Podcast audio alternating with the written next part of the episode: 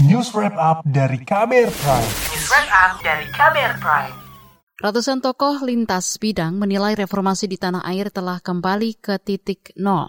Alasannya antara lain putusan Mahkamah Konstitusi yang mengabulkan gugatan syarat pendaftaran capres-cawapres berusia minimal 40 tahun atau berpengalaman sebagai kepala daerah. Putusan ini membuka peluang bagi putra Presiden Jokowi yakni Gibran Raka Buming Raka untuk bisa dicalonkan sebagai bakal calon wakil presiden. Benarkah reformasi kembali ke titik nol? Simak laporan khas KBR disusun jurnalis Ardi Ridwansyah. Ratusan tokoh lintas bidang mulai dari pendidikan, agama, hingga seni menekan maklumat Juanda pekan ini.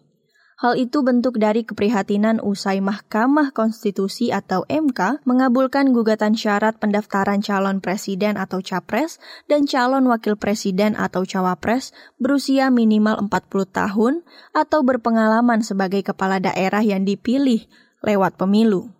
Juru bicara maklumat Juanda, Usman Hamid menyebut putusan MK soal syarat pencapresan membuka peluang Gibran Raka Buming Raka, putra presiden dapat dicalonkan sebagai bakal calon wakil presiden. Pada undang-undang pemilu sebelumnya, hal itu dilarang karena minimal berusia 40 tahun tanpa syarat menjadi kepala daerah. Gibran kini belum genap 40 tahun.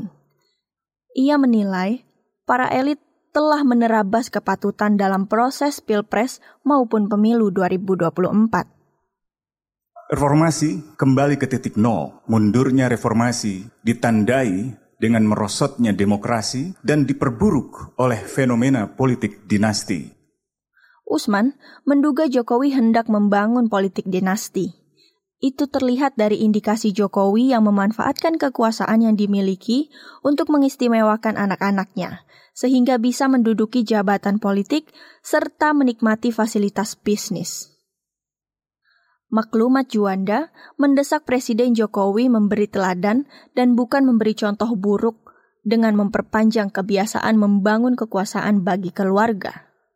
Kata Usman, kemunduran reformasi yang dirasakan saat ini juga ditandai dengan upaya melanggengkan kekuasaan oligarki yang tengah mengakar sejak Orde Baru di bawah kekuasaan Presiden Soeharto. Upaya yang dilakukan dengan cara merevisi Undang-Undang KPK yang justru dinilai melemahkan lembaga anti rasuah, serta menerbitkan Undang-Undang Cipta Kerja yang merugikan pekerja. Kantor staf Presiden atau KSP tak sepakat dengan sikap para tokoh dalam maklumat Juanda yang menyebut reformasi saat ini kembali lagi ke titik nol. Menurut Deputi Informasi dan Komunikasi Politik KSP, Juri Ardiantoro, kebijakan di masa pemerintahan Joko Widodo saat ini untuk memperkuat ketahanan dan memajukan masyarakat.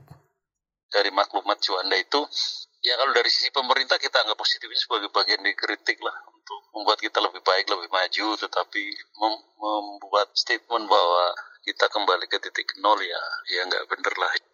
Selain itu kata dia, anggapan berbagai pihak bahwa Presiden Joko Widodo hendak membangun dinasti politik hanya sebatas asumsi. Dasar anggapan itu antara lain, usia Gibran kini belum 40 tahun.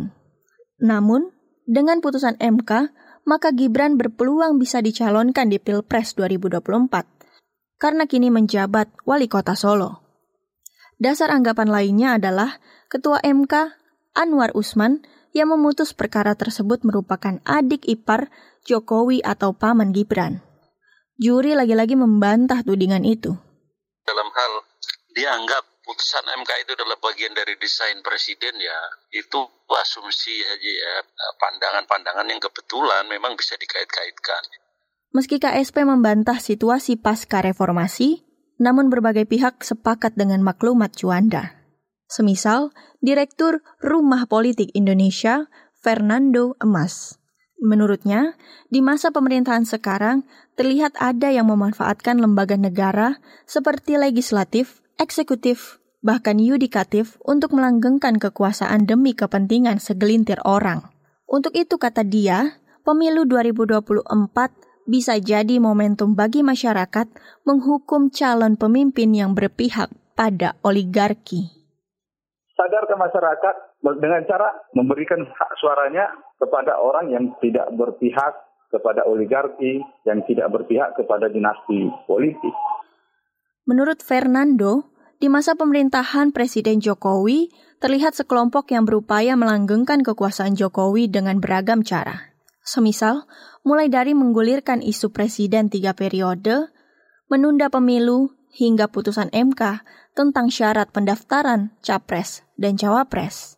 Putusan ini membuka peluang putra pertama Jokowi, yaitu Gibran, untuk dicalonkan di Pilpres 2024. Gibran sendiri mengakui ada kader Gerindra yang mendukungnya sebagai pendamping Prabowo.